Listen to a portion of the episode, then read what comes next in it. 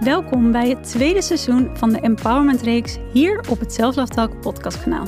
Mijn naam is Merel Teunis en in deze afleveringen ga ik in gesprek met andere inspirerende vrouwen en mannen. Ze delen hun inspirerende levenslessen, hun expertise waar we juist van kunnen leren en een inkijkje in hun eigen kwetsbaarheid. Dat zij hebben omgetoverd tot kracht. De Empowerment Reeks wordt mede mogelijk gemaakt door Dr. Hauska. Een prachtig natuurlijk en biologisch cosmetica merk waar ik zelf groot fan van ben. Maar daarover later meer. Ik stel je met veel liefde voor aan de gast van deze aflevering. Ik vind het ontzettend leuk dat Juriaan, ook wel bekend als Dr. Juriaan, zijn comeback maakt in dit tweede seizoen. Juriaan Galavassi is van de origine huisarts en coach en schreef onder andere de bestseller Van Klacht naar Kans. En nu is zijn nieuwe boek Jij bent de liefde uit. We praten over leven vanuit zelfvertrouwen, zelfrespect, zelfwaardering en wat je helpt om veel meer in verbinding met jezelf, je gevoel en je lichaam te leven.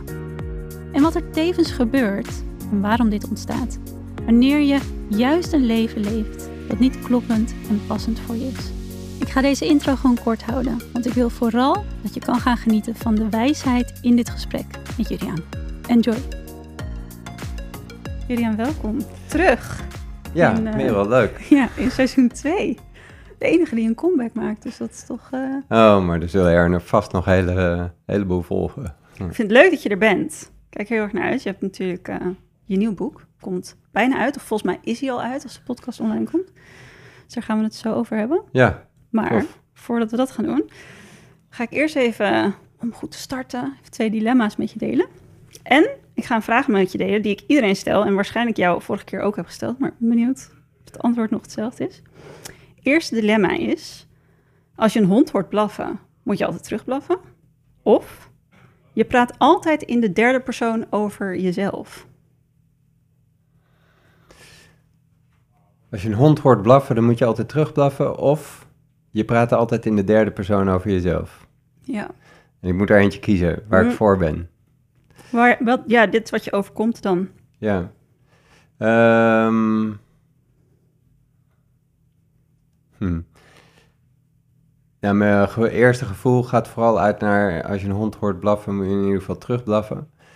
Ehm, en de reden waarom is omdat die tweede sowieso niet is. Omdat ik vind dat je sowieso never nooit over de derde persoon over jezelf dient te vertellen. Maar altijd moet beginnen bij ik, omdat je dan gewoon het stuur volledig in handen hebt. Ook de pijn voelt en ook de voordelen ervaart.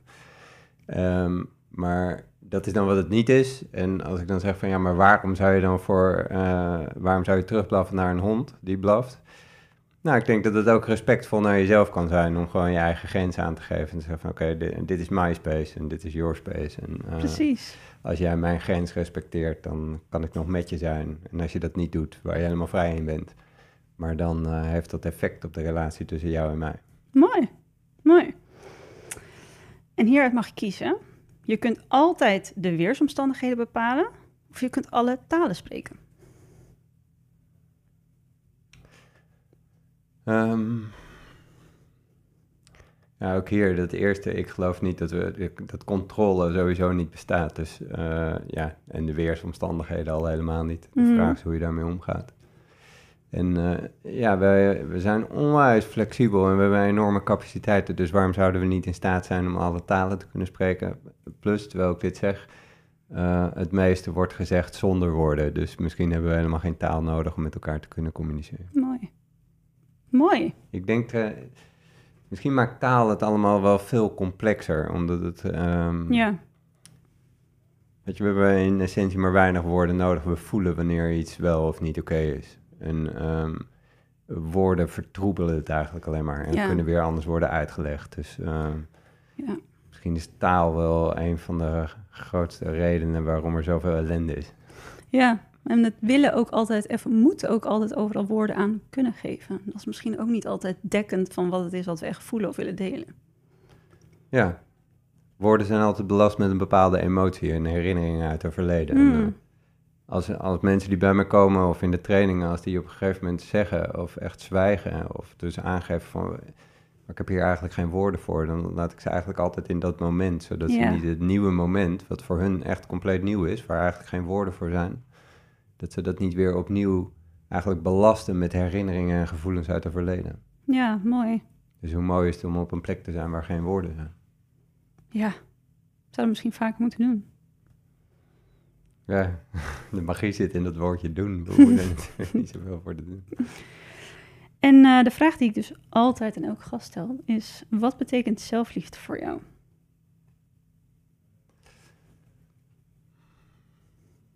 Nou, ik denk dat dat is wat het boek ook wel uh, aangeeft. Van dat je uh, in staat bent om te komen vanuit een plek van zelfvertrouwen. Jezelf kan respecteren en waarderen voor de kostbaarheid die je bent. Um, en dat dat misschien wel is wat, wat liefde is. Dat je in staat bent, dat je jezelf gunt om waarachtig te zijn. Dat jij Mm. helemaal mag zijn wie jij bent. En dat een ander ook helemaal mag zijn wie hij of zij is. Zelfs als Ja. ik dat lastig vind. Mooi dat stukje gunnen ook. Het jezelf gunnen. Ja, Hm, mooi. kan je het jezelf toestaan om eh, jezelf te respecteren en te waarderen. Met al, je, met al je mooie kanten en ook je, al je schaduwkanten. Ja, denk je dat we dat moeilijk vinden? Nou, dat denk ik niet. Dat weet ik, dat weet ik wel zeker. Überhaupt als ik het voor mezelf spreek, hoewel ik daar echt al wel op een totaal andere plek zit. Maar eh, sowieso van de mensen die bij me komen, is dit natuurlijk vaak de, de Ja. kern van de boodschap. Dat we ons continu maar aanpassen en gedragen in de hoop een goed mens te zijn in de ogen van iemand anders. Hm. Ja, En daarmee belasten we eigenlijk continu onze relatie met het vind mij, vind mij alsjeblieft aardig syndroom. Van eh, erken mij, waardeer mij alsjeblieft en eh, gun mij alsjeblieft mijn eigen plek. In plaats van dat we daar onze eigen verantwoordelijkheid pakken en nemen. ja. Want ik denk dat we dat vrijwel niet doorhebben vaak, dat we dat doen en op die manier ons leven leven. Nee, zo zijn we ook opgevoed. Om je aan te passen, te gedragen, vooral te zorgen voor een ander. En als je maar, als je maar lief bent en als je goed voor een ander zorgt, dan krijg je ook liefde terug. En dan zal een ander ook voor jou zorgen. En dat is natuurlijk waar, tot op zekere hoogte. Ik bedoel, als je, als je de wereld met liefde en met aandacht en heel veel warmte tegemoet treedt, dan is de kans dat je liefde en geborgenheid terug ontvangt natuurlijk vele malen groter dan Ja. wanneer je de wereld tegemoet treedt met afgunst en een heleboel frustratie, weerstand en boosheid. Ehm, maar niet altijd. Het wil niet zeggen dat als jij lief bent voor de mensen om je heen, dat zij ook lief zullen zijn voor jou. Ja, Dus ehm, de wereld is ook gewoon een koude, harde en eenzame plek om te zijn. En volgens mij kan je dat maar beter waar laten zijn dan dat je iedere keer dat weer eh, verpakt in mooie verhalen. ja, Dat de wereld vooral heel erg warm, lief en aardig is. Dat Hmm. is die ook, maar niet altijd. hm. Ja. Bij mij roept dat dan ook wel meteen op dat ik denk, dat zijn ook wel boodschappen die heel erg verkondigd worden. Van we het leven is een en al mooiheid. Terwijl wat, ik, wat jij nu zegt, vind ik dus ook heel waardevol dat het beide is. En Ja. je daar je weg in vindt en zoekt, onderzoekt wat mag mijn aandeel dan daar meer in zijn voor mezelf. Ja, en hoe, hoe beweeg ik daar doorheen? Dat op het moment dat ik, dat ik inderdaad op een hele kille plek terechtkom, simpelweg omdat het niet de vraag is of dat gaat gebeuren, maar wanneer. Mhm. Hoe kan ik dan koers houden? Hoe hou ik dan vaste grond onder mijn voeten? Hoe ben ik dan in staat om goed voor mezelf te zorgen? Wanneer mijn partner of een collega of een vriend of vriendin of je kinderen jou niet zien en erke- erkennen of waarderen voor de persoon die jij bent, eh, ben je dan nog in staat om goed voor jezelf te zorgen? Of ga je de ander beschuldigen van het feit of verantwoordelijk houden voor hoe jij je voelt? Dat is Hmm. misschien een hele logische plek om te zijn, Mhm. maar ook risicovol. Ja. ja, wat je zegt ook wel natuurlijk ook logisch en menselijk, omdat we wel vaak het idee hebben dat iets ons aangedaan wordt. Alleen wat jij zegt, de verantwoordelijkheid daar laten is letterlijk eigenlijk al je kracht en macht ook uit handen geven. En, en aanvaarden in mijn ogen dat eh, je wordt gekwetst gewoon in dit leven. Ja, En eh, aanvaard dat. En dan kan je wel zeggen van ja, maar het is niet rechtvaardig. En misschien heb je hartstikke gelijk als er iets onrechtvaardigs in jouw leven is gebeurd en je daar echt heel veel verdriet en pijn van hebt. Ehm, maar continu daar weerstand tegen bieden door te zeggen dit had niet plaats mogen vinden, dat werkt niet. Want je begeeft je dan onherroepelijk in een slachtofferpositie. Mm, Wat nogmaals heel begrijpelijk en heel logisch is, maar dat is echt een slechte plek om te zijn. Omdat je daar ehm, ja, je kan daar niks. Je maakt daarmee jouw welbevinden eh, volledig afhankelijk van de acties of de reacties van een ander. Ja. En de dualiteit is dus dat het een hele logische route is. Alleen we hebben daar echt wel een keuze hoe je daar op een andere manier mee om kan gaan. Ja. En die keuze is nou juist volgens mij wat we allemaal wat meer mogen leren en mogen voelen dat dat er ook mag zijn. En daarin, en dat is natuurlijk iets wat jij ontzettend mooi leert aan mensen, hoe je die kloppende keuzes voor jezelf kan gaan maken en wat daar ook echt voor nodig is. Want waar, wat missen we daar vaak in, waardoor we het lastig vinden om die kloppende keuzes te maken? Nou, als, we oprechte kloppende keuzes gaan maken, dus je, je doet wat goed is voor jou, of ehm, eh, je mag voelen wat jij voelt, denken wat jij denkt, doen wat, jij, wat goed is voor jou, Ja. dan is het opnieuw niet de vraag of iemand daar iets van gaat vinden, maar wanneer iemand daar iets van gaat vinden. Dus er zal, je zal nooit iedereen het naar de zin kunnen maken. Je zal nooit iedereen, ehm, ja, iedereen ter willen kunnen zijn. Dat gaat gewoon niet. Dus er zullen altijd momenten zijn dat een ander jou niet ziet, erkent of waardeert. Dus Ja. ben, je, ben je dan nog in staat om jouw koers te houden? Hmm. Of ga je toch weer terug in allerlei overlevingsreflexen waarin je je toch maar weer aanpast en gedraagt. Of jouw liefde voor de ander misschien wel verschuift naar toch gelijk willen krijgen en overtuigen in de hoop dat de ander uiteindelijk toch ziet waar jij vandaan komt. En dan gaat het dus heel vaak over. ehm, dan gaan we heel snel naar het hoofd toe. Dan, dan wordt het een soort wel eens niet een spelletje. Ja. Ja. maar ik vind dit. Ja, maar jij vindt dat. Ja, maar je ziet toch wel dat. Ja, maar je begrijpt toch wel dat ik zus. En ja, maar je ziet toch wel dat ik zo. En, maar op dat niveau gaan we elkaar niet, eh, on- niet ontmoeten. In plaats van dat we zeggen van, goh, wat je nu zegt, daardoor voel ik me heel erg alleen. Of ik voel me eigenlijk nu niet gezien. Ik voel me afgewezen. En Ja. eh, dat maakt me klein, het maakt me verdrietig. En dan daar onze mond houden. Nou, en dat is heel mooi, want dan, dan laat je eigenlijk je emoties hun functie vervullen. Letterlijk jou vertellen wat er van binnen gebeurt of welke behoeftes er niet vervuld worden en dat neerleggen. En dan ontstaat er natuurlijk een hele andere verbinding, begrip naar jezelf in eerste instantie, omdat je jezelf überhaupt beter begrijpt van waarom voel ik me eigenlijk zo. En wat jij zegt, je, dan kan je uit die overlevingsmechanismen stappen en in verbinding en echt kijken van wat is er eigenlijk echt belangrijk voor mij. Ja. Mooi.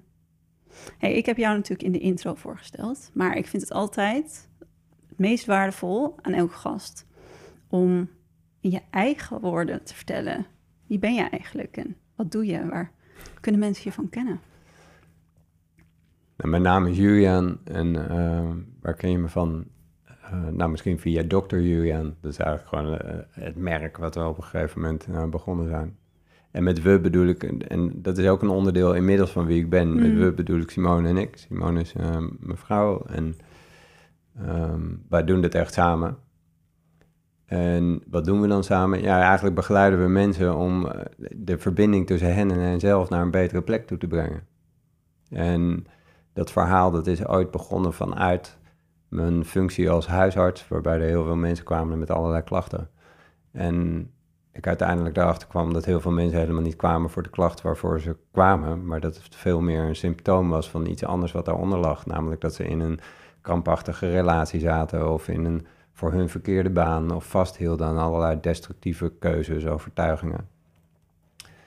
En dat dat lijf, alle symptomen, dat dat meer zoiets was van oké, ehm, ik word nu afgeleid door iets wat er eh, langskomt. Ehm, maar dat je lijf dus echt slimmer is dan je hoofd. En dat daar waar je met je kop geen nee meer kan zeggen, je lichaam het voor je gaat doen. En dat als je dan jezelf die vraag stelt van, goh, wat zou, de, wat zou mijn lijf me eigenlijk willen vertellen? Wat mag ik veranderen in mijn leven, zodat het weer goed en kloppend is voor mij? Dat het dan voor heel veel mensen eh, verschrikkelijk spannend wordt. Want ze weten exact wat ze zouden mogen veranderen in hun leven. Maar dat die dingen die ze zouden mogen veranderen, dat zijn vaak ook precies dezelfde dingen die, waar ze hun zekerheden en hun stabiliteit en vertrouwen Mm. op hebben opgebouwd. Dus als daaraan geknappeld gaat worden, dan is er opnieuw iets in ons wat opnieuw daar zo snel mogelijk vandaan wil. En zo sluiten we iedere keer weer de poort naar verandering en daadwerkelijk te kunnen zijn voor wie we bedoeld zijn om te zijn. Ja, Dus ik probeer mensen zoveel mogelijk in contact te brengen met die vervelende plek. En dat ze daar de tools en de handvatten en ook de ervaringen gaan krijgen. Dat dat ook een hele mooie, waardevolle plek is om te Mm. zijn. En dat je daar nog steeds kan ademhalen. Dat het plafond niet naar beneden komt, de grond niet onder je voeten vandaan verdwijnt. En dat je dan langzaam, langzaam, millimeter voor millimeter daar de stappen kunt gaan zetten die noodzakelijk zijn. Ja, want waarom zijn we zo bang voor verandering? Terwijl we eigenlijk wel weten waarom dat goed is voor ons. Veiligheid, denk ik. Hmm. Ja, alles van, ons, denken heeft, eh, ons denken is natuurlijk iets prachtigs. Ehm, maar het heeft één, één belangrijke lastigheid in zich. En dat is dat het vasthoudt aan een bepaalde vorm. Ja, En dus het wil het liefst dat alles behouden blijft zoals het is. Waarom? Omdat het dan bekend is en dus een soort van veilig voelt. Ook al is het niet goed voor je, toch kiest je hoofd iedere keer, in ieder geval dat deel van je hoofd, kiest iedere keer weer voor de bekende eh, en dus veilige route. En een van de eigenschappen die we dus, of waar we in ieder geval bereid toe hebben te zijn, is dat we zeggen van oké, ik, ik laat mijn gehechtheid aan de vorm, daarin ben ik bereid om die los te laten. Dat Hmm. is uiteindelijk gewoon een vorm. ja, Ja, of het nou een relatie betreft, of de plek waar je woont, of eh, de functie binnen je werk, wat je doet, of überhaupt je werk. Het is gewoon een bepaalde vorm en het gaat daarna over in een andere vorm. ja, En ben je bereid om die vorm waar jij je aan vastklampt, ben je bereid om die los te laten en op een andere manier daarnaar te gaan kijken? ja, En dat is denk ik een van de grootste uitdagingen. Of je bereid bent om je eigen overtuigingen, zoals je die hebt aangeleerd, om die los te laten. En dan ja, te verschuiven naar een andere plek van vertrouwen. Dus naar een plek van niet weten. Maar ja, dan kom je in contact met gewoon een reële onzekerheid. Mhm. En die andere kant was ook onzeker. Alleen we denken dat we daar heel veel controle en vastigheid Precies. hebben en zekerheid hebben. Maar dat is een illusie van zekerheid. ja, Dus ik zeg altijd, nou, wat wil je liever? Wil je leven in een illusie van zekerheid, wat uitkomt op onzekerheid? Of ga je voor de realiteit van onzekerheid? ja, Wat ook uitkomt op onzekerheid, maar dat is in ieder geval dan gewoon precies zoals het is. Dus ga je voor theater of ga je voor realiteit? Waar kies je voor? Nou, dan kiezen de meeste mensen voor realiteit. toch wel. En ja, maar dan is de volgende vraag: ben je bereid om je angst en je onzekerheden dan ook recht in de ogen aan te kijken? En als ik dat langzaam, langzaam doe, dan zeggen mensen van oké, ja, ik ben daar bereid toe, maar ik vind het wel verschrikkelijk spannend. En dan is de volgende vraag: mag je het spannend vinden? Ja, En dan komt er vaak weerstand, omdat iets in ons vindt dat we het al moeten kunnen. ja, En we hebben iets in ons vindt dat we perfect moeten zijn.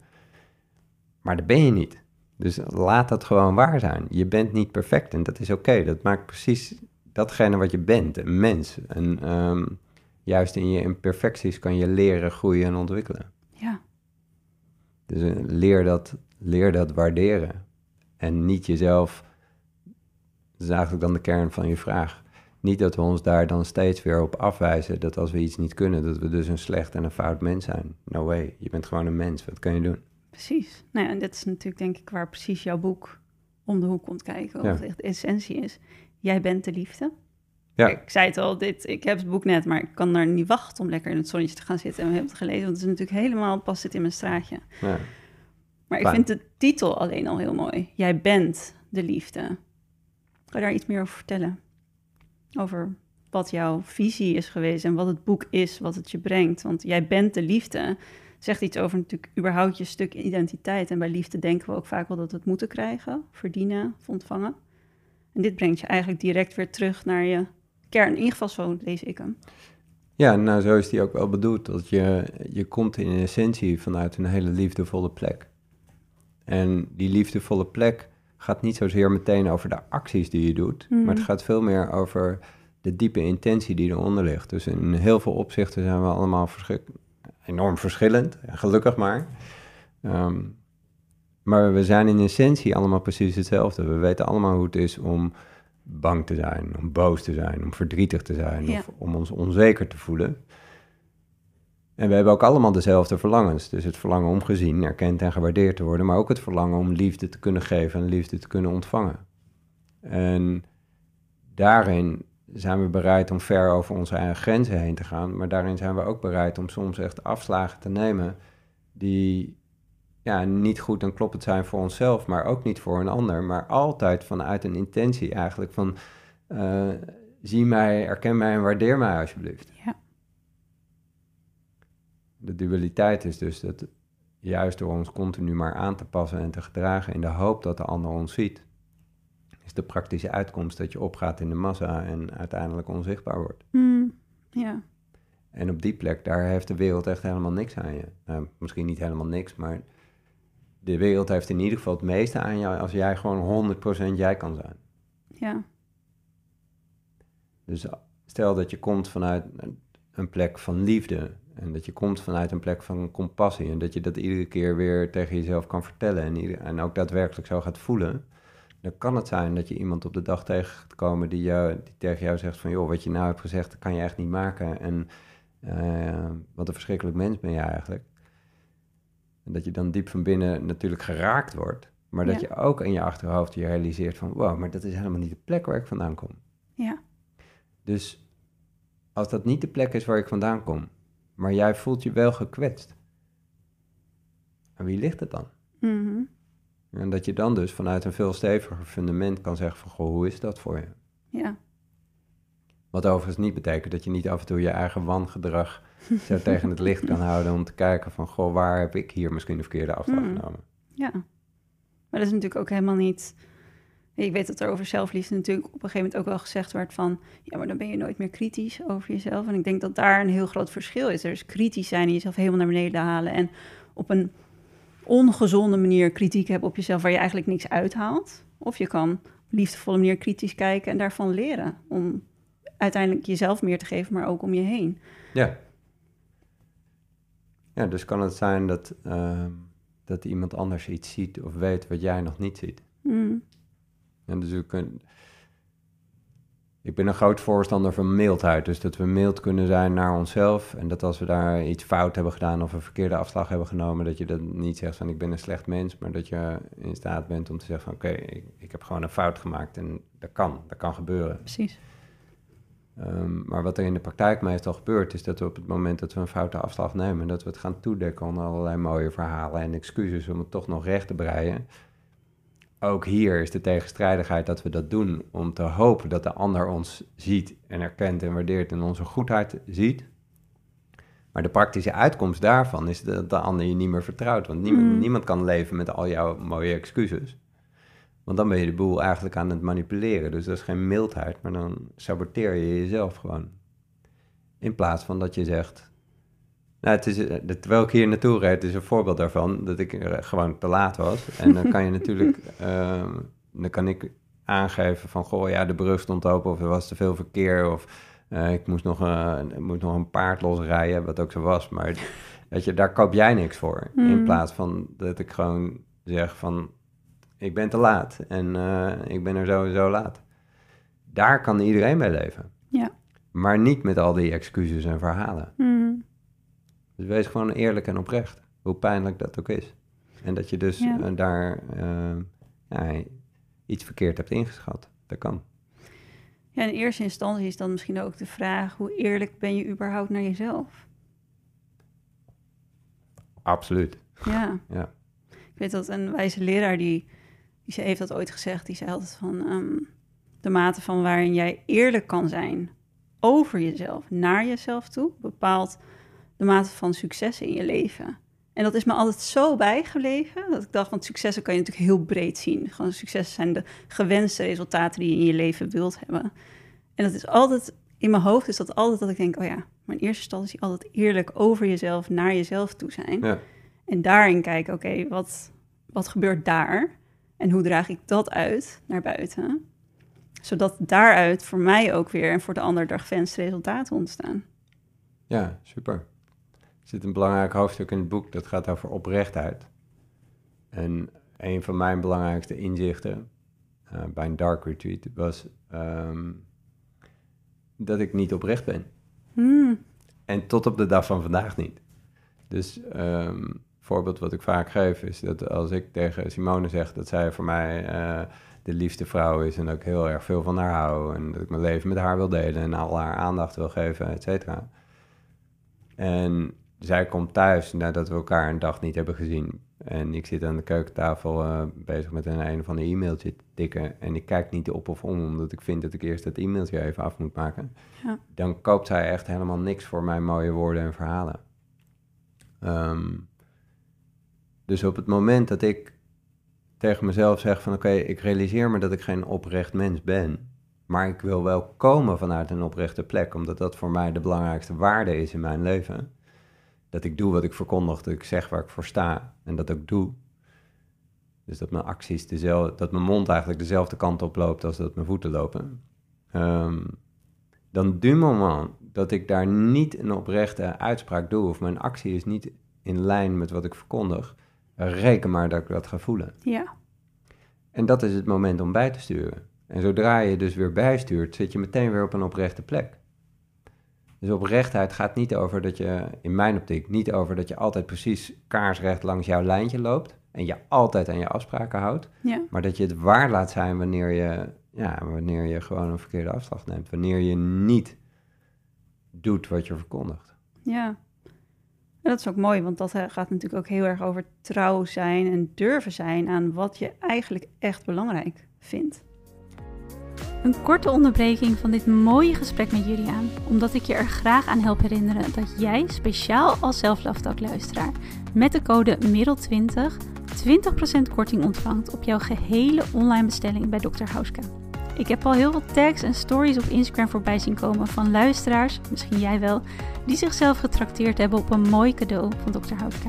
En ik vind dat oprecht geweldig om te zien. Maar vind jij het nou lastig om te bepalen wat belangrijk is voor een goede huid- en gezichtsverzorging? Dat kan ik ook heel goed begrijpen. En dan kan ik je zeker als tip geven om eens een kijkje te nemen naar het drie stappen planpakket dat ze aanbieden. Voor het reinigen, verzorgen en versterken van je huid. Het fijne vind ik namelijk aan zo'n pakket is dat je niet zelf nog eindeloos research hoeft te doen. Je kan kiezen uit een pakket voor droge, normale of gevoelige huid. En dan weet je dat in dat pakket alles zit wat belangrijk is voor de goede verzorging van jouw gezicht, van jouw huid. Dus voor het gemak zal ik even een linkje naar het 3 stappen planpakket in de beschrijving zetten. En vergeet dus niet dat je met de code MIDDEL20 een hele mooie korting krijgt. Nu terug naar Julia. en dan wordt het dus opnieuw spannend. Ja. Ja, want de, de keuzes worden daar gemaakt in zwart en wit. Ehm, dat je echt ergens ervoor gaat staan en dat ook doet. En daar dus ook de pijn en de lastigheid in gaat ervaren. En in dat opzicht hebben we er dus baat bij om vaag te zijn. Hmm. We hebben er baat bij om alles een beetje in het midden te laten. Want dan kunnen we onszelf daar niet op afrekenen. Hm. Ja. En dat is naar mijn idee waardevol om dat te beseffen, te weten van oké, ik ben gebaat om vaag te blijven. Dus eh, we zeggen van ja, ja, ik wil goed voor mezelf zorgen. En uh, dat staat al heel lang op mijn lijst. Ik wil goed voor mezelf zorgen. Ik wil meer bewegen. Of ik wil gezondere voeding. Of ik wil uh, meer tijd en aandacht aan mijn relatie besteden. En we blijven dat maar roepen zonder het heel concreet te maken. En te zeggen van oké, ik wil meer tijd aan mijn relatie besteden. En dat betekent dat ik deze week met mijn partner, mijn vriendin of misschien mijn kinderen, dat ik een dat ik een afspraak met ze ga maken en dat we uh, iets leuks gaan doen met allen. En dat zal zijn op vrijdag om uh, twee uur, ik noem maar wat. En dan is het vrijdag twee uur en dan heb je het nog steeds niet gedaan. Ja. En dat voelt dan pijnlijk, want dan denk je, oh shit, ik heb niet gehouden aan mijn eigen afspraak. Dus wat doen we? We houden het vaag. Ja, ik wil meer tijd besteden aan mijn relatie. Nou, dan blijven we een week roepen, een maand, een jaar en nog steeds is er niks gebeurd. Ja. Dus oprechtheid is, denk ik, absoluut wat jij zegt. Het is een van de belangrijkste waarden, in ieder geval in mijn leven. En daarmee tegelijkertijd ook de meest uitdagende. Zeker de uitdagende, want je komt jezelf, wat jij zegt, daar toch af en toe best wel tegen. En dan is het, en dat is natuurlijk ook, dat omschrijf je ook, dan is het key om dat stukje te trainen in jezelf. Ja, hoe ga je daar dan mee om? Zodat je er niet in vast blijft zitten of dat het je vasthoudt dus op die plek die je niet wil. Maar dat je juist kan denken, oké, vanuit liefde, wat is het wat ik wil?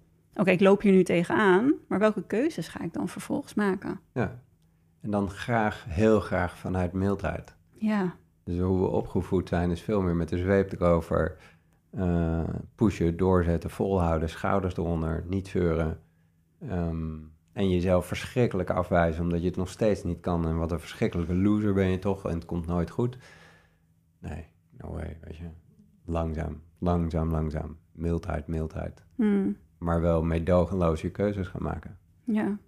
Want zie jij daarin een, een transformatie? Want ik denk dat dit toch wel het, het tijdperk is waarin men nou ja, ook gezien natuurlijk alle podcasts hier zijn en de grote interesse überhaupt in persoonlijke groei.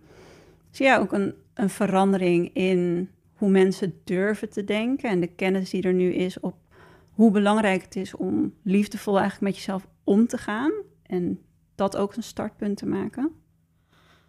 Eerlijk gezegd weet ik het niet, omdat het uh, ik, jij, wij zitten natuurlijk ook in een soort speciale bubbel, waarbij er we steeds meer mensen komen die daar die niet alleen dat willen, maar ook daadwerkelijk durven. Ja. Want dat is eigenlijk het verschil wat je hier aanhaalt. En ik, ik geloof erin dat heel veel mensen hun leven anders zouden willen leven, of dat ze andere beslissingen zouden willen nemen, of dat ze beter voor zichzelf zouden willen zorgen. Ja. Maar willen alleen is niet voldoende. En willen gaat heel erg over, opnieuw over pushen, doorzetten, volhouden. Ehm, maar heb je ook de moed om het ook daadwerkelijk te durven doen of te durven laten? En durven gaat veel meer over de bereidheid om het niet te weten. Gaat veel meer mm. over overgave en over mildheid en over een zekere mate van onzekerheid durven te verduren en te verdragen. En dan is het eigenlijk veel logischer om dat niet te doen en toch maar vast te houden aan al je zekerheden en maar te blijven roepen dat je iets heel graag wilt. En het ondertussen niet doet en ondertussen klaagt waarom het niet gaat. En dat je allerlei excuses hebt waar, waarom, je, waarom het slecht gaat in jouw leven. Mhm. En dat het ligt aan je opvoeding of aan je ouders of aan de maatschappij of misschien wel aan het leven. Dat is een hele logische redenering. Ja. Alleen hij werkt opnieuw niet. Dus er is moed voor nodig om zo'n stap te zetten. En ja, in de groep van mensen die ik om me heen zie en jij waarschijnlijk ook, dat zijn doorgaans wel, daar zitten heel veel mensen bij die het willen en durven. Ja. Maar er zitten ook heel veel mensen bij die heel graag willen, maar nog niet, net niet durven dat stapje te zetten. En nou, dat vind ik altijd een mooie groep om mee te werken. Zeker als de wil heel groot is, maar ze het gewoon nog te spannend vinden. En dan werkt mildheid doorgaans bij mij in ieder geval en de mensen die ik begeleid het beste door en eerst te laten toestaan van oké, ik mag het spannend vinden. Ja. Oké, ik mag het spannend vinden. Ehm, en dan van daaruit kunnen ze stapje voor stapje hun veranderingen teweeg brengen. En daarnaast denk ik dat er ook echt een hele grote groep is die we niet zien, die wel blijven roepen dat ze het heel graag willen maar gewoon continu excuses blijven verzinnen waardoor ze er niet toe in staat zouden zijn. Wat hun dus niet een slecht mens maakt, wat juist veel begrijpelijker en veel logischer is. Menselijk. Ja. Ja. Want we hadden het natuurlijk net ook toen, voordat we de podcast starten, ook over nou ja, de programmering, de diepere laag die eronder zit. Want wat weerhoudt ons er vaak van om van de wil naar het echt durven te gaan of te het letterlijk te gaan belichamen van hoe we het leven willen gaan leven, wat goed voor ons is. Als je kijkt naar de diepere laag daarin. Ehm, het eerste woord wat nu bij me opkomt is afwijzing. Dus op het moment dat jij daadwerkelijk jouw leven gaat leven op jouw manier, dan zullen er mensen zijn die jou niet kunnen volgen. Ja. Dus ben je bereid dan om dat pad alleen te lopen op het moment dat het nodig is? Mm en daarin de eenzaamheid te voelen. En dat zijn vaak, dan komen we vaak in oude pijnstukken, een oud verdriet, wat echt te maken heeft met eh, in, ergens een jong in ons leven, waarin we toen niet de geborgenheid konden krijgen die we wel heel hard nodig hadden. En daar hebben we allerlei strategieën toen voor bedacht om die pijn niet te hoeven voelen, die toen heel waardevol waren. Ja. Omdat het je in staat heeft gesteld om te kunnen overleven. Maar dat je dus later in je leven tot de conclusie komt dat die strategie eigenlijk niet meer zo goed werken. En de enige manier om daarmee te gaan dealen is om in contact te komen met uh, ja, je angst, je pijn en je verdriet. En het is een beetje een cliché, maar ik, ik persoonlijk geloof daar heel erg in. En dat we een soort van spirituele dood hebben te sterven in dit leven om te kunnen doorgroeien naar de persoon die je bedoeld bent om te worden. Hmm. En spirituele dood klinkt dan natuurlijk heel erg zweverig of spiritueel, maar het gaat er eigenlijk meer om dat je je diepste angst bereid bent om die recht in de ogen aan te kijken. Ja. Zolang je daartoe niet bereid bent, wat opnieuw weer een hele logische beredenering en een logische route is, maar zolang je niet bereid bent om dat recht in de ogen aan te kijken en daarmee te gaan dealen, blijft je leven dus gebaseerd op het proberen te ontwijken van pijn en verdriet. Maar de realiteit heeft één lastigheid in zich en dat is dat ze vroeg of laat hoe dan ook bij je op de deur gaat kloppen. Ja. En als ze dan langskomt en je hebt je daar niet op voorbereid, dan, eh, ja, dan slaat ze je genadeloos tegen het asfalt. Dan komt hij hard aan. En dan is er weer niks aan de hand, want dan, dan voel je dat in je lijf. Die dwingt je tot stilstand. Ja. En dan heb je gewoon opnieuw een keuze. Om toch opnieuw weer die vraag te stellen van... Goh, stel dat mijn lijf slimmer is dan mijn hoofd. Wat zou het me dan eigenlijk willen vertellen? Stel dat het me hier niet iets komt ontnemen, maar dat het me echt iets komt brengen. Dat het me niet eh, pijn wil doen, maar dat het me eigenlijk iets wil vertellen... zodat ik iets mag veranderen in mijn leven wat goed en kloppend is voor mij. Ja, en dat is zo'n mooie manier om überhaupt naar je lichaam te gaan kijken. En naar, want ik denk dat ook wel ehm, nou, mensen soms kan voelen van mijn lijf zit me in de weg. Van wat, alles wat ik juist wil doen, het, werkt me tegen in alles wat ik ervaar. Terwijl als we het gaan omdraaien, inderdaad, van... Ja, ik zie het altijd, en dat geef ik ook eigenlijk altijd in de coaching mee. Je, je lijf is er voor jou. Je emoties zijn letterlijk er voor jou. Zij weten het beste, wat het beste voor jou is. Het is voor jou om te gaan luisteren. Ja. Wat is in eerste instantie in jouw ogen een manier om überhaupt die omslag te gaan maken? Om meer in verbinding te komen met je lijf, zodat je kan gaan voelen wat kloppende keuzes zijn.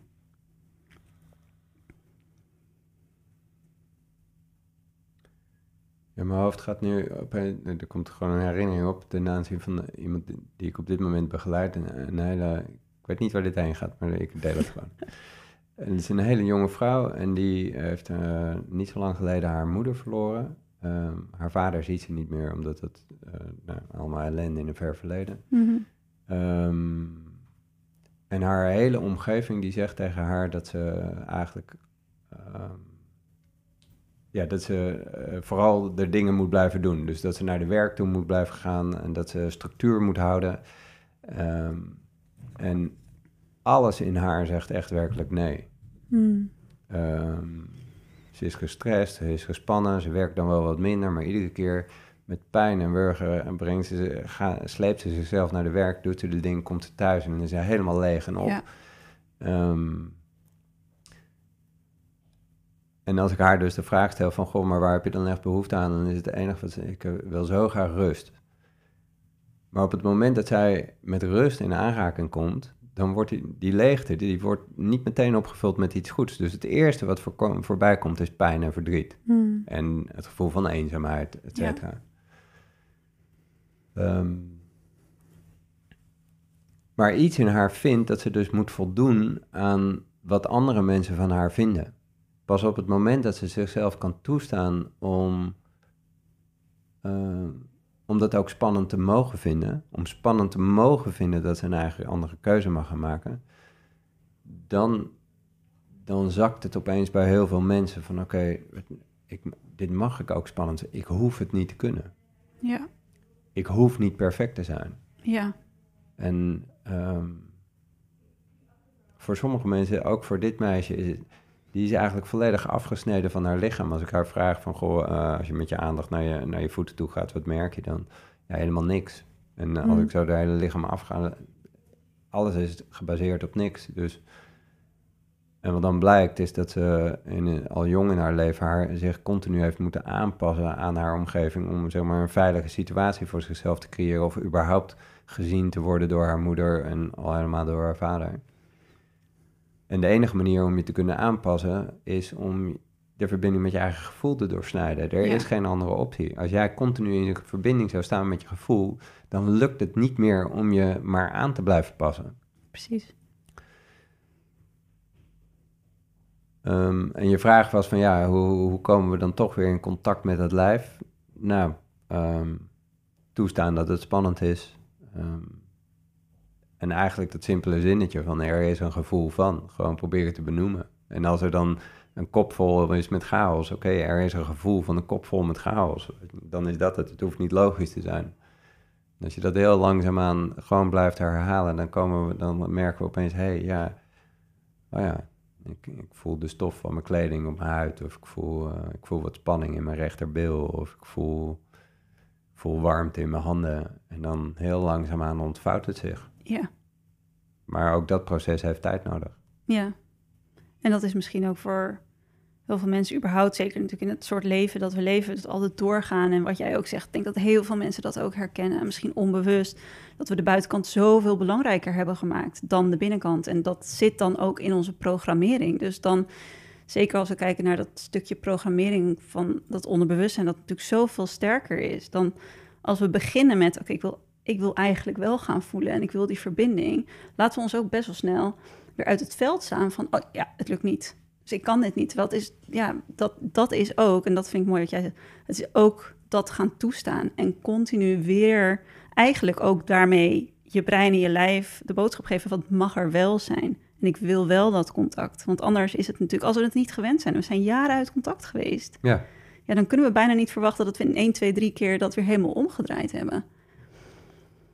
Nee, dus ja, precies. Het is een proces. Mm. En geef, geef het tijd. Wees daarin ook mild naar jezelf. We hebben ook niet in één dag leren lopen. Dus um, iets wat je heel lang niet gedaan hebt. Ja, het is onrechtvaardig om dan van jezelf te eisen dat je dat meteen zou moeten kunnen. Ja. Dat kost, en dat krijgt zoveel tijd als dat het nodig heeft. Het is niet een dag, een week, een maand of een jaar. Als het als vijf jaar nodig is, is het vijf jaar. En eigenlijk, je mag er je hele leven over doen. Er is niemand die jou aan het eind van de rit daarop afrekent van, uh, nou, je hebt niet genoeg kunnen voelen in jouw leven. Mm. Nee, maar dat is precies, en dat is waarom ik het zeg, omdat ik jou natuurlijk net inderdaad dat mooi hoor zeggen over mildheid en het toestaan. En we vinden vaak zoveel ergens van. En dit is dus wat ik heel vaak terug hoor bij mijn klanten is van, ja, maar het lukt gewoon niet. En dus het kan niet. En het mooie is daarin dat ergens wat van vinden. Want we vinden heel vaak, als het niet lukt, dan vinden we daar wat van. Ik kan het niet, ik doe het niet goed. Dat loslaten en die mildheid er laten zijn en gewoon jezelf de ruimte geven. Wat, dat is wat ik bij mijn klanten heel vaak werk. Zodra we die oordelen overal afhalen, of ons bewust worden van de oordelen, dan is er al rust. En dan opeens ontstaat er überhaupt ruimte. Ja, mooi. Hmm. mooi. En ik was wel benieuwd, want jij zei net ook van. Ehm, om überhaupt te gaan doen, te gaan veranderen. Eh, het weten is één ding, het willen is ook één ding, maar daadwerkelijk gaan doen, daar heb je best wel wat moed voor nodig. Hoe zorg je ervoor dat je dat laat groeien, dat stukje moed, het durven te gaan doen? Door jezelf toe te staan om onzeker te mogen zijn. Hmm. De opening ligt altijd 180 graden aan de andere kant. Dus we, we gaan niet iets durven door op zoek te gaan naar moed. Hmm. We gaan pas iets durven op het moment dat we onszelf toestaan om het echt verschrikkelijk spannend te mogen vinden. Ja.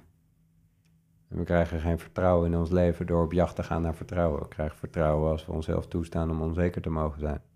En hetzelfde geldt voor geluk en blijdschap. Je wordt pas echt een gevoel van blijdschap in je leven kan je ervaren niet door te gaan jagen op blijdschap. Je zal pas blijdschap ervaren op het moment dat je jezelf toestaat om ook in en in verdrietig te mogen zijn op het moment dat dat ook langs mag komen, dan is er namelijk geen strijd meer. Je hoeft niet meer te vechten. Um, een van de uitspraken van de, iemand die mij continu begeleidt met paardrijden, is uh, dat hij, ik ben natuurlijk net zo slecht en fout als ieder ander. Dat betekent dat ik ook enorm kan pushen, doorzetten, dat ik wil dat iets gewoon binnen 10 minuten lukt. En uh, dat is mijn perfectionistische kant in mij, die heel waardevol is. Mm. Alleen de vraag is altijd weer wie staat er aan het stuur. Mm maar dat als ik op een gegeven moment toch weer in zo'n mode zit, en inmiddels merk ik het zelf al en kan ik zelf bijsturen. Maar in het begin zei hij van, hey, Galavasi, het mag ook mislukken. Het als het niet in één rondje lukt, dan misschien in het tweede, derde, vierde, vijfde rondje. En misschien vandaag helemaal niet. En dat is ook nog steeds oké.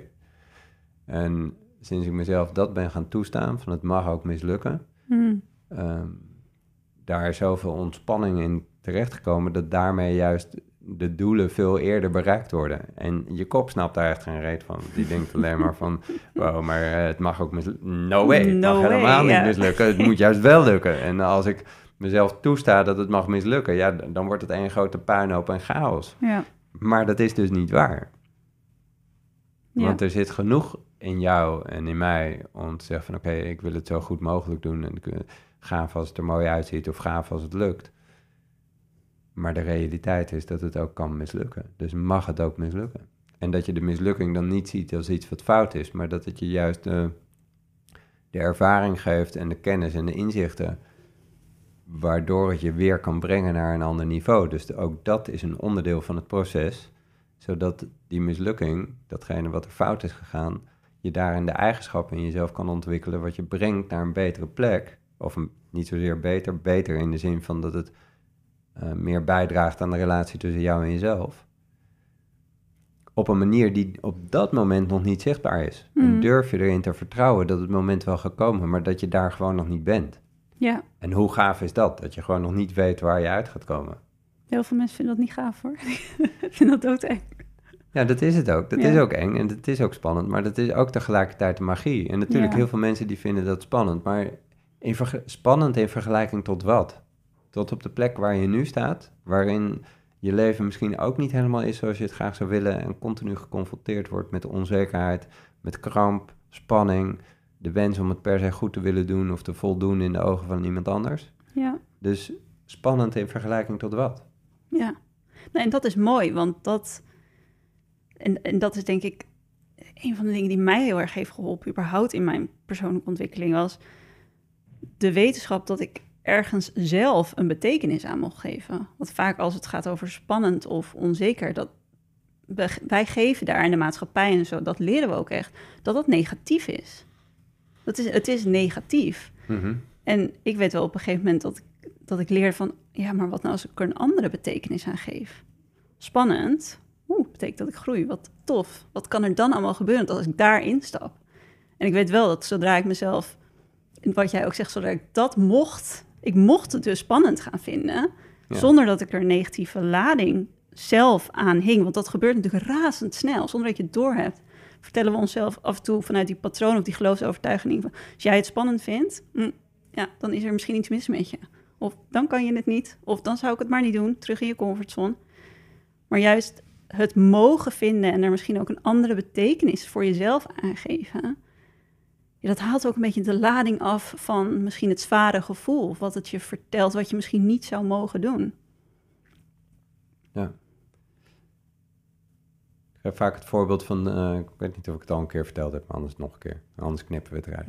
Ehm, maar dat als, je, als er twee kleine meisjes op de rand van het zwembad staan, heb ik dat verhaal een keer verteld? mij niet. Nou, stel, er staan Ja. twee kleine meisjes Ja. op de rand van het zwembad. Of jongetjes, maakt niet uit. Ehm, en eh, die hebben net leren zwemmen. En eh, zonder hulpmiddelen, et cetera. En eh, je loopt naar het, het, eerste kindje toe en je zegt van, joh... ehm, je kon het daarnet ook en de badmeester was super tevreden. En daar in dat ondiepe water, je kon hartstikke goed zwemmen zonder hulpmiddelen. En dus nu hier op de rand van dit grote zwembad, die enorme bak met water, spring maar. Ik vertrouw je, weet je. Je hoeft niet bang te zijn, spring er maar. En je gaat naar het tweede kindje toe en eh, je zegt van, ook tegen haar, de badmeester net was echt super tevreden. En eh, ik weet zeker dat je het kan, want eh, daar ging het ook hartstikke goed zonder hulpmiddelen, dus spring er maar. En, maar ik begrijp dat het spannend is. Natuurlijk, het is reet spannend. Het is doodeng. Maar, maar spring maar. Ik vertrouw je. En ze springen allebei. Welke van de twee krijgt dan het grootste cadeautje, denk je? Het meisje dat door haar eigen angst inging. Of het zien van haar eigen angst. Ja, exact. Dus bij het tweede meisje. Eigenlijk zeg je tegen het eerste meisje... Jij bent niet oké zoals je bent, want je hoort niet bang te zijn. Mm, precies, ja. En het gaat hier dus niet over de intentie. Want bij beide, beide ouders willen niks liever dan dat het kindje met vol vertrouwen in dat water springt. Precies. Alleen de praktische uitkomst is echt totaal verschillend. Ja, En heel vaak gaan we dus om, als in de situatie met het eerste meisje, als dat we vinden dat we, dat we het niet spannend horen te vinden, maar dat we het moeten kunnen. ja, In plaats van dat het cadeautje wat we ontvangen veel groter is op het moment dat we onszelf toestaan om het spannend te mogen vinden. Waarom? Nou, simpelweg omdat iets in jou het spannend vindt. Precies. Dus de vraag is dan van, oké, wil je meer of minder in verbinding zijn met wie jij bent? En dan antwoordt eigenlijk iedereen, ja, ik wil meer in verbinding zijn met wie ik ben. Ja, en wanneer kom je dan meer met jezelf in verbinding? Op het moment dat de angst langskomt en iets in jou het spannend vindt en je zegt van, wow, dat wil ik niet voelen, dat is ongemakkelijk en wegwezen hier. Of dat je de spanning uitnodigt, het deel wat het eh, gewoon spannend en eng vindt en daar contact mee maakt en er misschien zelfs wel wat nieuwsgierig naar gaat zijn. Dus de enige manier in mijn ogen is om het uit te nodigen en er contact mee te maken. En dat betekent niet dat je het leuk moet gaan vinden of het meteen heel erg moet gaan waarderen. Ja. Maar het is er. Dus kan je het maar beter gewoon recht in de ogen aankijken. Ja, dat is mooi. Ik denk dat het ook een hele andere, liefdevolle manier is van überhaupt naar jezelf kijken en alles echt mogen zien. Ja. Mooi. hey, Boek, ik ben heel benieuwd, want het woord zelfrespect, daar ben ik sowieso nog benieuwd naar. Wat is dat en wat houdt het in? Maar ik ben ook benieuwd van wat is je... Ja, ik vind het een prachtig boek. Alleen al de, de titel en ik heb er doorheen gebladerd. Wat is de grootste boodschap die je met dit boek wil meegeven aan de lezer? Nou, dat mensen um, daadwerkelijk in staat zullen zijn om uh, keuzes te maken die goed en kloppen zijn voor hen. Mm En ook als mensen zich, ja, als anderen je niet kunnen volgen, dat je dan toch nog in staat bent om daar je eigen koers te houden. Um, en niet vanuit een plek van, nou, ik doe wat goed is voor mij en de ander die doet er niet toe. Maar veel meer vanuit een plek van, oké, ik kom vanuit een liefdevolle plek. Ik wil er heel graag zijn voor jou, maar niet ten koste van mezelf. Ja. Um, en dat mensen gaan ervaren dat je juist op die manier er echt heel goed voor een ander kan zijn. In mijn ogen nog wel beter, omdat je de relaties met de mensen in je omgeving gaat ontlasten van de plicht om jou per se leuk, lief of aardig te moeten vinden. Dus daarmee krijg je hele open verbindingen, waarin ieder helemaal mag zijn wie hij of zij is en de lastigheden ook een plek mogen krijgen. Ja. Zonder dat je elkaar daarop hoeft af te wijzen. Ja. Um, en dat je via die weg dus een groep mensen om je heen kan gaan ervaren die je voeden in plaats van dat ze je leegtrekken en die jou stimuleren en waarderen voor de persoon die jij bent. Ja, mooi, want dat schreef je ook, dat ik dan wel Jij schrijft ook, we leiden het meeste aan een goed mens willen zijn. Ja. Want dat doet dat met ons. Het feit dat we dat willen. Nou, dat je je continu maar aanpast en loopt te gedragen. En mm. probeert te voldoen aan de wensen en de verwachtingen van iemand anders. Dus dat je in de ogen van je moeder een goede zoon of dochter probeert te zijn. Of dat je in de ogen van je kinderen een goede vader of moeder probeert te zijn. Of in de ogen van je partner een goede partner moet zijn. Dus daar hebben we allemaal stickers geplakt op al die rollen die we vervullen van hoe wij vinden dat het zou moeten zijn. Ehm, meegenomen vanuit je eigen opvoeding en vanuit eh, de maatschappij die jou dat, eh, dat verhaal vertelt. Maar jij mag het echt helemaal doen op jouw manier. Ja. En um, ja, zolang je niemand een mes tussen zijn ribben steekt, is er niks aan de hand. Dus, True. dus zolang je iemand anders niet disrespectvol behandelt op de manier en daarmee bedoel ik dat je niet over iemand anders grenzen heen gaat moedwillig om een ander te kwetsen. Dan, uh, dan is er wat mij betreft niks aan de hand. Mm. Ja, mooi. Natuurlijk kunnen we altijd voorbeelden noemen waarbij, ja, weet je, mag je nog steeds ook heel erg voor jezelf kiezen. Ook als je een ander daar heel erg verdriet mee doet. En dat je dan vervolgens zegt van ja, maar dat was niet mijn intentie en dat verdriet hoort bij de ander. Nee, dus ik vind daar wel dat je af en toe ook in staat bent om te reflecteren op jezelf, je eigen gedrag tegen het licht houdt. En, dat, en ook daarin opnieuw vanuit een oprechte plek durft te komen en zeggen: Oké, ik heb hier echt gewoon een totale eh, verkeerde afslag genomen. Ik heb hier in en in gekwetst en super onredelijk. Dat had je niet verdiend. Ja. Maar zonder dat je jezelf meteen een slecht mens hoeft te voelen. Precies. Want in essentie kom je vanuit een liefdevolle plek. Ja, en dat maakt een groot verschil. Ja. Dus kunnen we daar dan mild in blijven naar onszelf, en, uh, maar wel erkennen dat we gewoon een verkeerde afslag hebben genomen. Hmm. Ik ben ook benieuwd, want nou, als we het hebben over die diepliggende programmering en nou ja, goed, een bepaalde rol die we ook aannemen, dan komt dat natuurlijk vaak ook uit bepaalde overtuigingen die we hebben. En ik weet van veel mensen die de podcast ook luisteren, die vinden het lastig om überhaupt te achterhalen, ja, maar wat zijn die overtuigingen dan? Wat, is het dan dat ik ben gaan geloven vanuit mijn jeugd? Wat zou jij als advies geven voor iemand die dit luistert en denkt, ja, ik wil daar eigenlijk ook wel dieper ingaan en gaan ontdekken wat het is, wat mij drijft in een bepaalde manier? Op welke stappen kunnen ze zetten om daar überhaupt mee aan de slag te gaan? Oh, nou, we doen vaak een oefening in de training en dat is ehm, heel kort door de bocht. Dat je eerst opschrijft wat al je verlangens zijn. Dus, eh, nou, heel praktisch gezien, je pakt een blaadje en die leg je horizontaal neer en je verdeelt hem uh, verticaal over het midden. Dus je hebt een linkerkant en een rechterkant. En aan de linkerkant schrijf je al je verlangens op. Dus alles wat je heel graag wil doen in jouw leven. Ehm, en wat je misschien al heel lang wilt, maar nog steeds niet gerealiseerd hmm. hebt. En als je daar 1, 2, 3, 4, 5 verlangens hebt opgeschreven, dan zet je vervolgens aan de rechterkant van de pagina. Bij ieder verlangen zet je een reden waarom je het nog niet gerealiseerd hebt.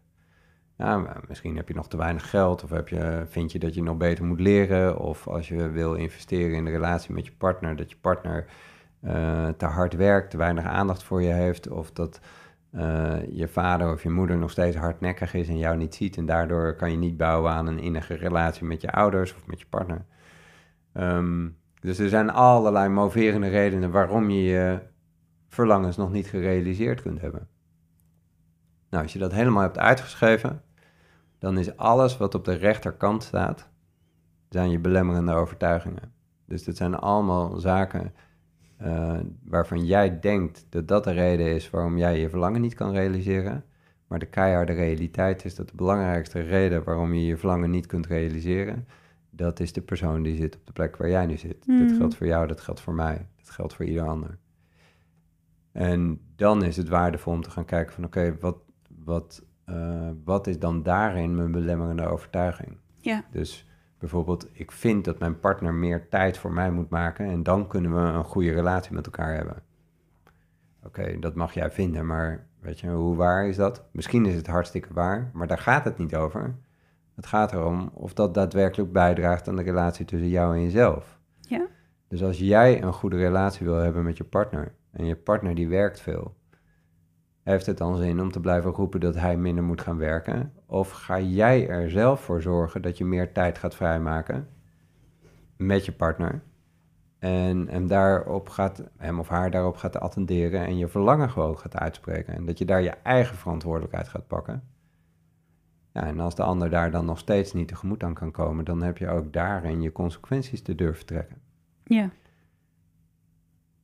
En dan nog steeds is het veel makkelijker en veel begrijpelijker om te zeggen van ja, maar hij of ja, maar zij werkt veel te hard en daardoor leiden, leiden we ons in onze relatie.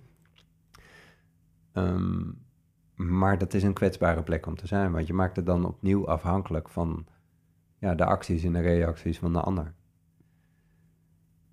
Dus de bottom line is altijd ook hier weer, wat draagt het meest bij aan de relatie tussen mij en mezelf? Ja.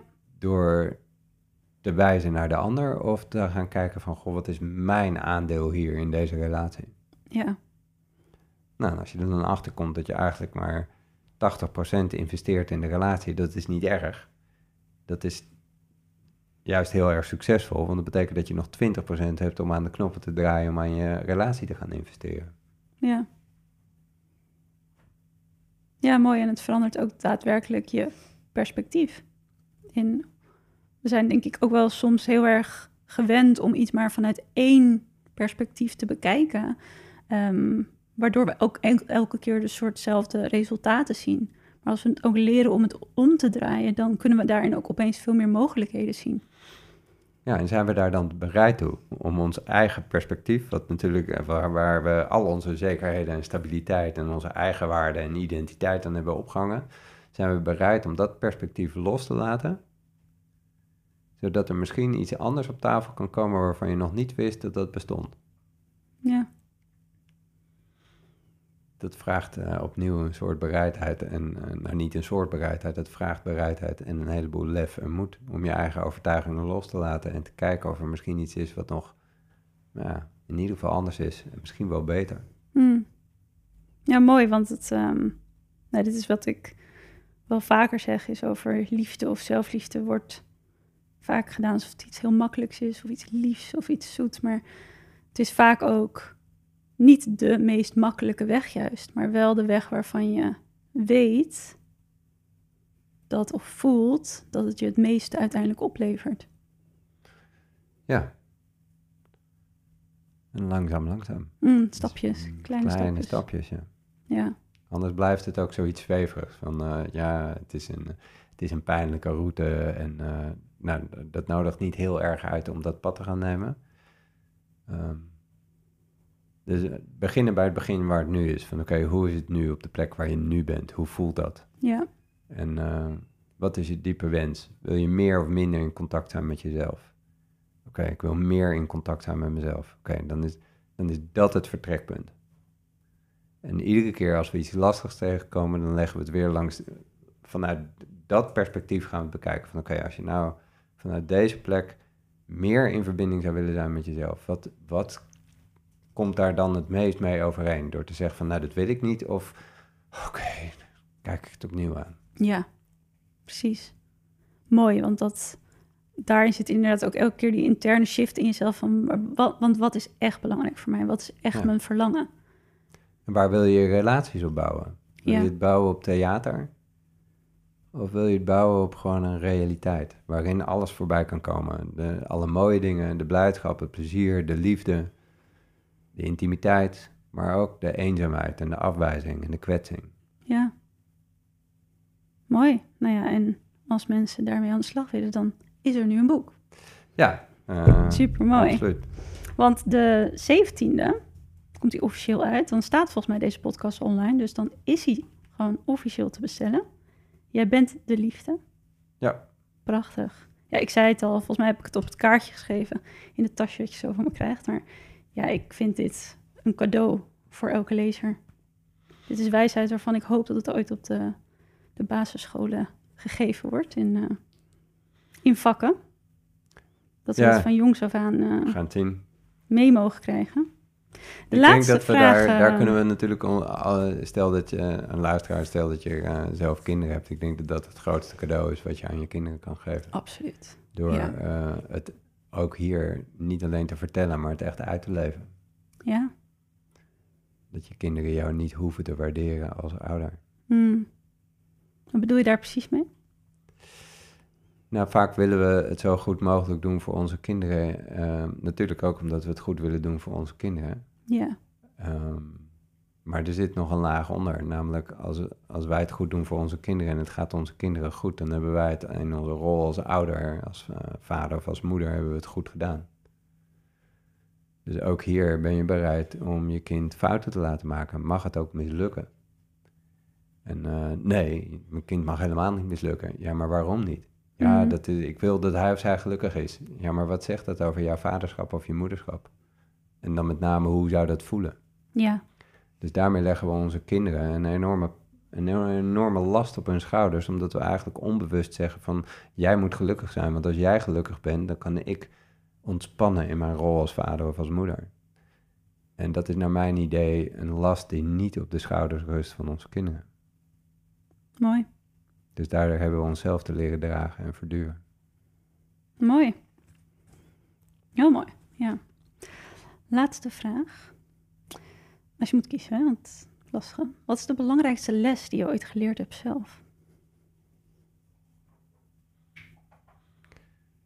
Ja, de eerste die, waar mijn hoofd nu meteen naartoe gaat is over oprechtheid. Dat ik me realiseer dat ik geen oprecht mens ben, maar dat ik wel een oprecht mens wil zijn. En dat ik alleen maar oprecht kan zijn als mijn acties overeenkomen met datgene wat ik verkondig.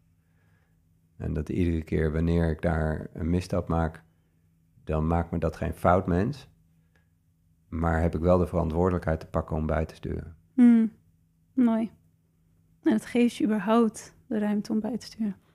Ja, en het houdt me onwijs op koers. Dus eh, het voorbeeld wat je eerder noemde, ehm, dat dat uiteindelijk succesvol is voor je leven. Succesvol in de zin van dat, het- dat, het, dat het kloppend is. Ja. En dat voel ik ook echt zo. Ja. Dat als ik, op, als ik oprecht de keuze blijf maken, dan blijf ik op koers. En dan kan het niet anders dan dat het zo uitpakt dat het goed en kloppend is voor mij. En niet alleen voor mij, maar dus ook naar mijn omgeving toe. ja, je doet het eigenlijk niet alleen voor jezelf. Nou, ik denk dat we het uiteindelijk, bottom line, altijd alleen maar voor onszelf doen. Maar wat draagt het meest bij aan de relatie tussen jou en jezelf? Ik bedoel, ehm, we willen uiteindelijk niet alleen maar liefde ontvangen, maar we willen het vooral ook kunnen geven. Precies, ja. En je kan het meeste van jezelf geven als je 100% jij bent. Mooie om mee af te sluiten. Waar, ehm, ik ga natuurlijk jouw gegevens allemaal eventjes in de beschrijving zetten. Maar waar kunnen mensen jou nog vinden? Hoe kunnen ze nog meer van jou leren? Ja, Instagram, ehm Dr. Julian, eh drjulian.nl. Nou, dan heb je al een goede ingang. En het boek. Dus Ja. ik zet ook een linkje in de beschrijving. Prachtig, ik ga hem nog lezen. Maar ik, ben, ik voel me vereerd dat ik hem nu al heb, voordat hij überhaupt eh, op de matten valt. Nou, ik Dankjewel. ben benieuwd wat je ervan vindt. ja, ik laat het je weten. Ik ja, zei het al, dit is eh, iets waar ik natuurlijk helemaal van aanga. Dus ik vind het prachtig dat je dit boek geschreven hebt. Gefeliciteerd ook ermee. Dankjewel. En dankjewel dat je hier voor de tweede keer was. Ja, fijn weer. Tot eh, seizoen 3 dan maar. Ja, bij het derde boek. Dan. Dankjewel. Goed, dankjewel.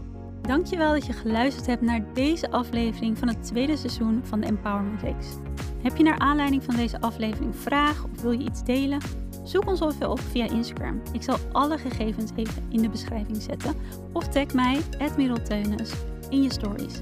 Ontzettend leuk om te zien en je helpt daarbij ook de zichtbaarheid van de podcast.